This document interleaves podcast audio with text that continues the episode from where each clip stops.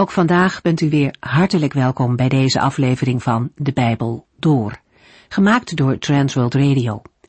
Voor meer informatie kijkt u dan op onze website transworldradio.nl.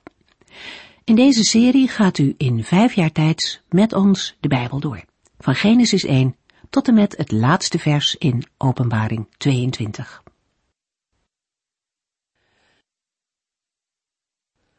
Hoofdstuk 9 van Jeremia begint met een klaaglied van de profeet. Hij heeft veel verdriet om de geloofsafval onder zijn volksgenoten. Het verdriet van de Heere zelf raakt deze man ook diep. Hij beseft dat het volk te maken zal krijgen met oorlogen die veel ellende zullen brengen als gevolg van hun afgoderij. Jeremia komt tranen tekort als hij daaraan denkt. En vervolgens spreekt hij over de leugens en het bedrog van het volk. Hun manier van omgaan met elkaar is totaal anders dan de Heere het in de wet had bedoeld. Het zorgen voor elkaar, het op elkaar aankunnen en onderling vertrouwen, dat is allemaal zeldzaam geworden. Met het verlaten van de Heere God zijn mensen zelfzuchtig geworden. Dat alles leidt ertoe dat God gaat oordelen. En daarbij worden de mensen opgeroepen om te rouwklagen over dat oordeel. Deze oproep is in zekere mate ironisch, omdat het volk niet naar Gods woorden heeft willen luisteren en die woorden ook niet aan hun kinderen heeft geleerd zoals de bedoeling was, krijgen ze te maken met Gods oordeel. Nu moeten ze wel luisteren naar Gods woord, in de vorm van een aangrijpend klaaglied dat ze ook aan hun dochters zullen leren. Het volgende hoofdstuk, Jeremia 10, begint met een oproep aan het volk om niet mee te doen met de afgoderij van de mensen om hen heen. Astrologie en waarzeggerij zijn zaken waar Gods kinderen ver vandaan moeten blijven, omdat ze uit een verkeerde bron voortkomen. In dit hoofdstuk wordt het verschil tussen de levende, almachtige God en de machteloze afgoden neergezet. Het tweede deel bevat een oordeelsaankondiging en een klaagzang, waarin het deze keer vooral om de aanvaarding van het oordeel van God gaat. Aansluitend staat er een gebed van Jeremia voor het volk. En zo lezen we verder in Jeremia 11. In Jeremia 11 vers 1 tot en met 17 heeft Jeremia op heldere wijze duidelijk gemaakt dat de Heere de sancties van het verbond in werking stelt. Het zijn de gevolgen van de ongehoorzaamheid van het volk en het dienen van andere goden. De Heer is trouw geweest aan het verbond. Hij heeft het volk bevrijd uit de ellende van Egypte, gebracht in het land dat hij beloofd had, en doen groeien als een groene olijfboom. Maar het volk heeft daarop niet passend gereageerd. Het vereerde wel enige mate de Heere, maar naast hem ook andere goden. Juda was alleen in uiterlijke vorm op de Heere gericht. Daardoor heeft het volk het verbond verbroken en moet daarvan nu de wrange vruchten plukken. In Jeremia 11 vers 17 lezen we, vanwege de goddeloosheid van Israël en Juda in het verbranden van reukwerk voor Baal, heeft de Heere van de hemelse legers, die deze boom planten, bevolen hem te vernietigen. De beschuldiging van verbondsbreuk kwam ook al voor in de tijd van Hosea. En ook de sancties bij overtreding van het verbond worden al genoemd in Leviticus 26 en Deuteronomium 28. In Deuteronomium 28 vers 15 lezen we wat Mozes namens de Heere tegen het volk moet zeggen. Als u niet naar de Heere, uw God, luistert en deze wetten die ik u vandaag geef niet wilt gehoorzamen, zullen al deze vervloekingen over u komen. Na deze woorden volgt in Deuteronomium 28, vers 15 tot en met 68, een hele lijst met sancties bij overtredingen van het verbond. In Deuteronomium 28, vers 46 lezen we, Deze afschuwelijke dingen zullen voor u en uw nakomelingen een eeuwige waarschuwing zijn. Deuteronomium 28, vers 62. Er zullen slechts enkelen van u overblijven, hoewel u zo talrijk was als de sterren van de hemel. En dit alles zal gebeuren, omdat u niet luisterde naar de Heere uw God. In deze woorden horen we ook de aankondiging dat de Heere door de oordelen heen uiteindelijk herstel zal geven. In Deuteronomium 30, vers 1 tot en met 4 lezen we de belofte van zegen voor het volk. Als al deze dingen over u komen, de zegeningen en vervloekingen die ik heb opgenoemd, zult u tot het juiste inzicht komen, terwijl u onder de volken leeft, waarheen de Heer u heeft verdreven. En als u in die tijd naar de Heer uw God wilt terugkeren, en u en uw kinderen zijn begonnen met heel hun hart de wetten en regels die ik u vandaag geef te gehoorzamen, dan zal de Heer uw God u uit uw gevangenschap redden. Hij zal u genade schenken, naar u toekomen en u bijeenbrengen uit alle volken waaronder hij u heeft verspreid. Ook al zou u zich in de verste uithoeken van het heelal bevinden. Hij zal u vinden en terugbrengen naar het land van uw voorouders. In het Bijbelboek Jeremia wordt in Jeremia 30 tot en met 33 op dezelfde manier duidelijk gemaakt op welke manier de Heer het verbond zal herstellen. Jeremia 30 vers 3. Er komt namelijk een tijd waarin ik mijn volk weer welvaart zal geven. Ik zal Israël en Juda terugbrengen naar het land dat ik hun voorouders gaf. Zij zullen het bezitten en er opnieuw in wonen. In Jeremia 11 vers 18 tot en met 12 vers 6 verwoordt de profeet zijn eerste persoonlijke klacht. In de vorige uitzending hebben we er al een aantal dingen van gezegd. De Heere openbaarde Jeremia dat de inwoners van zijn geboorteplaats Anatoot plannen beraamden om hem te vermoorden. Ze wilden de boodschap die Jeremia in opdracht van de Heere moest doorgeven, om verschillende redenen tot zwijgen brengen. Er zijn zeker vier argumenten die hen daartoe brachten. De eerste is een economische reden. De veroordeling van afgoderij bracht de handel in afgodsbeelden in gevaar. De tweede reden is een geestelijke. Door de boodschap van verwoesting, lijden en ballingschap gingen de mensen zich neerslachtig, somber en schuldig voelen. De derde reden is een politieke.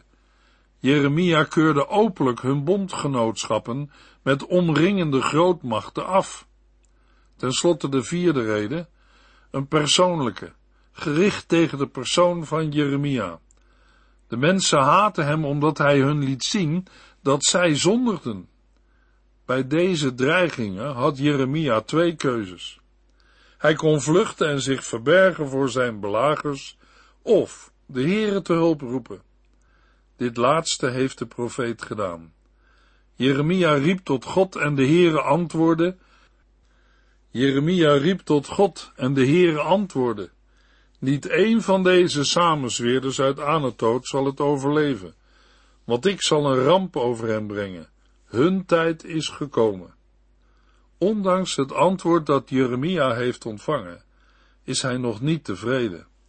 Hij erkent wel dat de Heere rechtvaardig is, maar dat neemt niet weg dat hij een klacht heeft over een onrechtvaardige zaak. Jeremia 12 vers 1 en 2 Heere, u bent altijd rechtvaardig als ik een zaak aan u voorleg, om uw beslissing te horen. Mag ik daarom deze klacht aan u voorleggen? Waarom gaat het slechte mensen altijd goed? Waarom hebben de goddelozen zo'n gemakkelijk leven? U plant ze, ze schieten wortel, bloeien op en hun handel floreert. Hun winsten groeien en ze zijn rijk.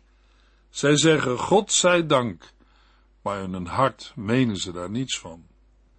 Waarom laat de Heer er toe dat goddelozen voorspoed hebben? Hierbij denkt Jeremia in de context van het vorige hoofdstuk aan zijn vijanden in Anatoot. Ze zijn trouweloos en goddeloos, maar toch gaat het ze voor de wind. Die situatie roept frustratie op en past niet bij de overtuiging dat de rechtvaardige voorspoed zal zien en de goddeloze zal worden gestraft. Jeremia worstelt met hetzelfde probleem als waar Job en Asaf mee hebben geworsteld. De slechte mensen die het goed gaat, zijn door de Heere geplant. Hij is voor hun bestaan verantwoordelijk. Hij heeft in ieder geval toegestaan dat zij zich konden ontwikkelen en zelfs vruchten konden voortbrengen. Bij het voortbrengen van vruchten zal gedacht zijn aan nakomelingen. De woorden planten, bloeien en vrucht dragen lijken op de woorden uit Jeremia 11, waar we lazen over de groene olijfboom, prachtig om te zien en vol goede vruchten. In Jeremia 12 wordt het beeld weer opgepakt en verder uitgewerkt. Het gaat deze slechte mensen blijkbaar goed, terwijl ze dubbelhartig, schijnheilig en hypocriet zijn. Zij zeggen God zij dank, maar in hun hart menen zij daar niets van. Voor de woorden hun hart staat in de Hebreeuwse tekst hun nieren. De nieren zijn een beeld voor het innerlijk, de gevoelens. De Heere beoordeelt harten en drijfveren van mensen. Jeremia's klacht geldt een specifieke groep, maar ook het volk in het algemeen. De boodschap van Psalm 1 lijkt in Jeremia 12 omgedraaid te zijn. In Psalm 1 is de rechtvaardige als een bloeiende boom in vruchtbare grond, terwijl de onrechtvaardigen, de slechte mensen, verdorren. De weg van de goddeloze voert rechtstreeks naar de afgrond. In Jeremia 12 is de boosdoener juist als een boom die in goede aarde is geplant en vrucht draagt. Jeremia 12 vers 3 Maar wat mij betreft, Heer, u kent mijn hart. U weet hoe ik naar u verlang. Sleur hem weg als hulpeloze schapen naar het slachthuis, heren. Veroordeel hen, o God. In vers 3 doet Jeremia een beroep op Gods rechtvaardigheid en daarbij pleit hij indirect op zijn eigen onschuld. Het hart van Jeremia verlangt naar de Here, in tegenstelling tot het innerlijk van zijn vijanden. Zijn vraag is vergelijkbaar met de wens die zijn vijanden voor hem hadden. Zij moeten zelf maar uit de gemeenschap worden weggenomen en als schapen worden geslacht. Het taalgebruik wijst op het brengen van een offer. Het oordeel over de goddelozen moet de naam van de Heere verheerlijken. Het gaat Jeremia dan ook niet om persoonlijke wraak. Hij legt het onrecht aan de rechter voor. In Jeremia 11 vers 20 horen we Jeremia aan de Heere vragen, Och Heere van de hemelse legers, u bent mijn rechter. Beoordeel de harten en drijfveren van deze mannen. Zet hun alles wat zij van plan waren betaald. Aan u leg ik mijn rechtszaak voor. Jeremia 12 vers 4 Hoe lang moet uw land al hun daden nog verdragen? Zelfs het gras in de weiden is erdoor verdord. De wilde dieren en de vogels zijn omgekomen door de goddeloosheid van de mensen. Maar toch blijven de mensen zeggen, God zal geen oordeel over ons brengen, ons kan niets gebeuren. In vers 4 verwoordt Jeremia een tweede klacht. De klacht gaat over de toestand van het land. Planten verdorren, de wilde dieren en vogels zijn eruit verdwenen. De directe aanleiding voor dit verdorren en verdwijnen van de wilde dieren en vogels wordt niet genoemd. Maar in Jeremia 14 vers 1 lezen we over de tijd van de grote droogte. Mogelijk is dat de oorzaak. Toch is er voor Jeremia een diepere oorzaak van de genoemde ellende. De oorzaak is niet van natuurlijke, maar van geestelijke aard. De boosheid en goddeloosheid van de inwoners van het land is oorzaak van de moeilijkheden. Zij zijn hoogmoedig en verdraaien de woorden van de Heere. Zij zeggen, God zal geen oordeel over ons brengen, ons kan niets gebeuren. Jeremia 12, vers 5 De Heere gaf mij als antwoord, als u al moeite hebt om mensen bij te houden, wat doet u dan als u het moet opnemen tegen paarden, tegen de koning, zijn hofhouding en al zijn slechte priesters? Als u op vlak terrein al struikelt en valt, hoe zal het u dan vergaan in de wildernis bij de Jordaan? Jeremia krijgt antwoord van de Heere, maar het is niet het antwoord dat hij wilde. Hij krijgt te horen dat de ellende van het heden nog maar klein is in vergelijking met het lijden dat nog komt. Er worden twee redenen volgens het principe van klein naar groot gebruikt om dat duidelijk te maken. Mensen die lopen zijn immers makkelijker bij te houden dan paarden, en een vlak terrein is minder gevaarlijk dan de dichte bossen langs de Jordaan, waar wilde dieren zoals leeuwen zich schuilhouden. Het grotere lijden bestaat hierin dat zelfs de nauwste verwanten van Jeremia niet te vertrouwen zijn. Hiermee wordt teruggegrepen op het thema slechte mensen. Zelfs de broers en de familie van Jeremia zullen hem verraden. Het vriendelijke spreken van dergelijke mensen biedt geen veiligheid, maar is alleen een illusie. De Heere zegt, vertrouw hen niet, hoe vriendelijk ze ook praten, geloof hen niet. Ondanks de liefde van Jeremia voor de Heere en zijn gehoorzaamheid aan hem, was het leven ontzettend moeilijk voor Jeremia. Toen hij aan de Heere om verlichting vroeg, was Gods antwoord in feite, Jeremia, als jij denkt dat dit erg is, hoe zul je het dan klaarspelen wanneer het echt moeilijk wordt? Luisteraar, niet al Gods antwoorden op het gebed zijn prettig of gemakkelijk te hanteren. Iedere christen die een oorlog heeft meegemaakt, een zwaar verlies heeft geleden of een ernstige ziekte heeft gehad, heeft hier weet van. Toch moeten wij aan de Heere toegewijd blijven, zelfs als we het zwaar te verduren krijgen, of als Gods antwoord op ons gebed geen directe verlichting brengt. In het Nieuwe Testament smeekt Paulus de Heere drie keer of hij het lijden door de doorn in zijn vlees wil laten ophouden. Maar de Heere antwoordde telkens weer, mijn genade is genoeg voor u. De navolging van Christus kan ook voor gelovigen vandaag spot en lijden met zich meebrengen. In Jeremia 12, vers 7 tot en met 17 lezen we over de Heere die zijn volk verlaat. Het gedeelte begint met een klacht van de Heere over zijn volk en wordt gevolgd door een beschrijving van het oordeel en de redding voor Israël en de volken.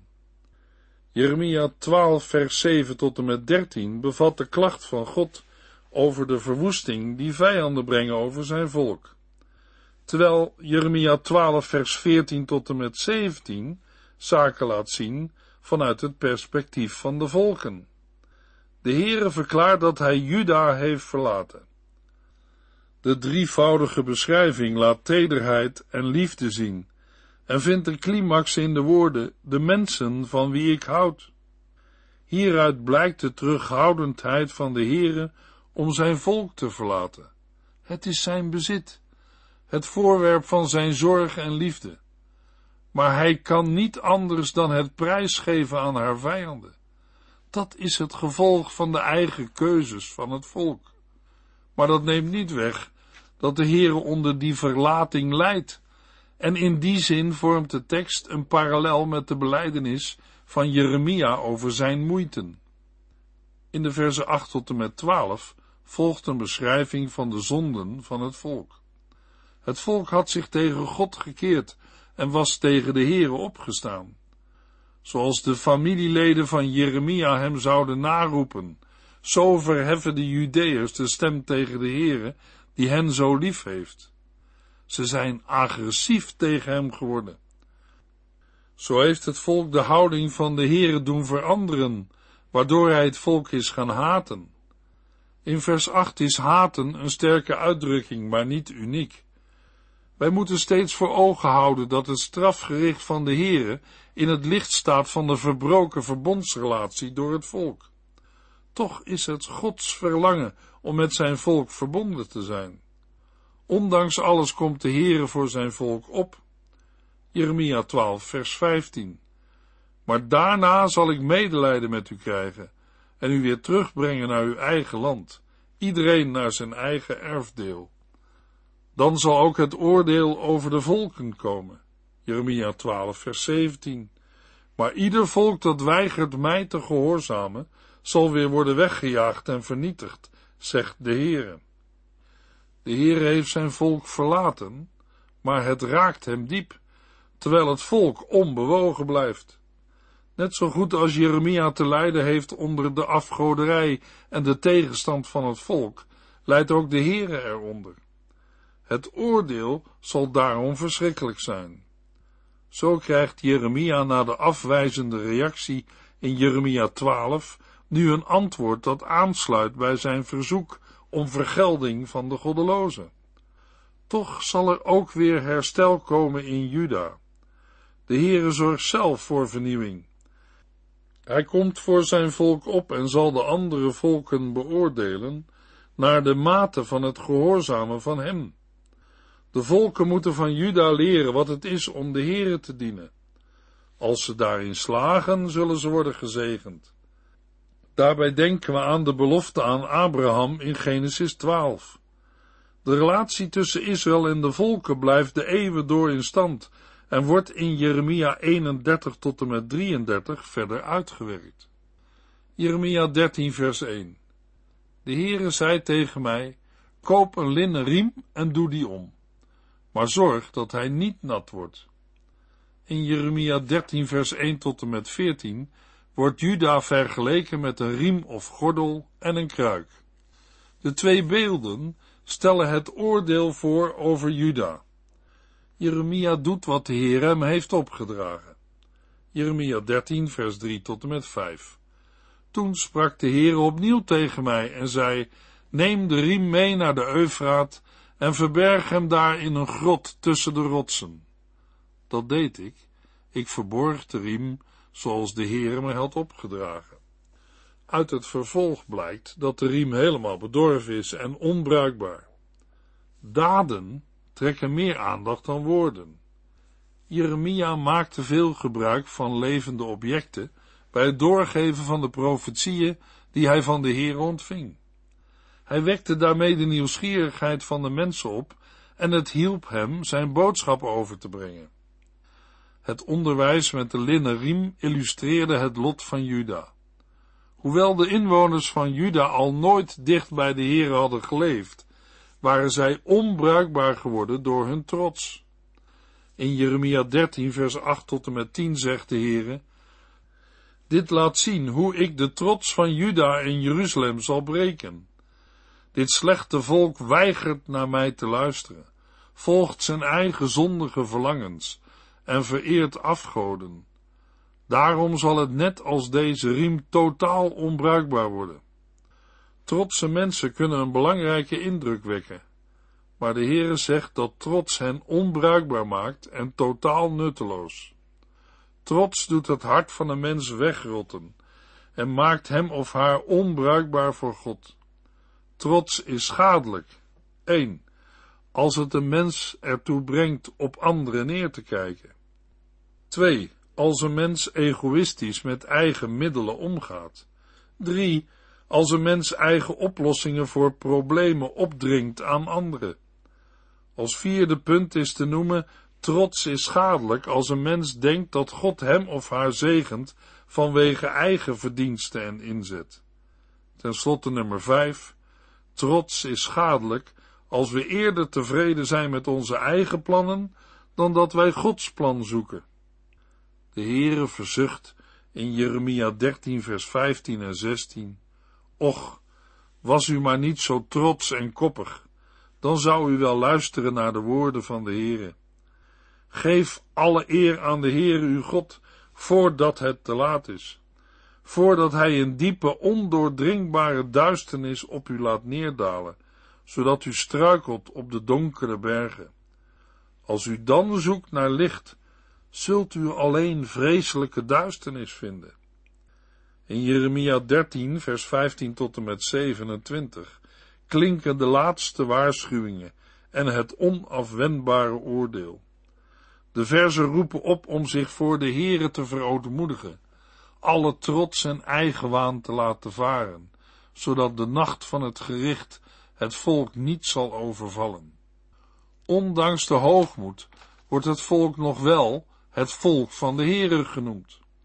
De boodschap voor de machthebbers is duidelijk. Vluchten kan niet meer. In Jeremia 13, vers 20 tot en met 27 wordt Jeruzalem aangesproken. De leiders van Juda hadden geprobeerd bondgenoten te vinden in Assyrië, Egypte en Babel. Maar de bondgenoten zijn vijanden geworden. Zij zullen zich als gruwelijke verkrachters ontpoppen. Als nadere verklaring voor het oordeel volgt de beschuldiging dat Juda onverbeterlijk is. Met twee retorische vragen, waarop het antwoord bekend is, wordt de onverbeterlijkheid van Juda scherp neergezet. Een Ethiopiër kan zijn huidskleur niet veranderen, en een luipaard kan de tekening van zijn vacht niet beïnvloeden. Zo is ook Juda niet in staat goed te doen. Het oordeel is onvermijdelijk. Jeremia 13 vers 27 sluit af met de woorden van de Heere. Ik heb het allemaal gezien. Uw overspel en uw begeren, uw ontrouw tegenover mij en uw afschuwelijke afgoderij in de velden en op de heuvels. Pas op, Jeruzalem. Hoe lang duurt het nog voordat u weer rein wordt? De gedachte in het tweede deel van Jeremia 13 is gelijk aan die van het eerste deel. Juda heeft het oordeel over zichzelf afgeroepen. Het heeft zichzelf door eigen handelen voor de Heere onbruikbaar gemaakt. In Jeremia 13 wordt de ernst van de zonde pijnlijk neergezet. Zoals het voor Israël onmogelijk is om de zondige natuur te veranderen, zo is dat ook voor ons onmogelijk. In Jeremia 14 vers 1 tot en met 6 wordt een beschrijving gegeven van de gevolgen van een periode van grote droogte. Daarna volgt in vers 7 tot en met 9 het smeekgebed van het volk om ontferming. In Jeremia 14 vers 10 tot en met 18 lezen we een verslag van een gesprek tussen de Heere en Jeremia. De Heere maakt de profeet duidelijk dat de straf verdiend is. In de volgende uitzending lezen we verder in Jeremia 14. U heeft geluisterd naar De Bijbel Door, in het Nederlands vertaald en bewerkt door Transworld Radio. Een programma waarin we in vijf jaar tijd de hele Bijbel doorgaan. Als u wilt reageren op deze uitzending of u heeft vragen, dan kunt u contact met ons opnemen. Tijdens kantooruren kunt u bellen op 0342 478432 0342 478432. Ook kunt u een e-mail sturen naar de Bijbel at transworldradio.nl en natuurlijk kunt u ook via de post ons bereiken.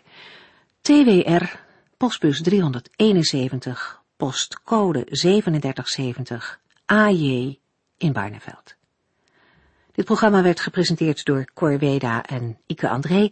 Techniek was in handen van Odin van Voorkom. En wij allemaal bedanken u voor het luisteren. Graag tot de volgende keer.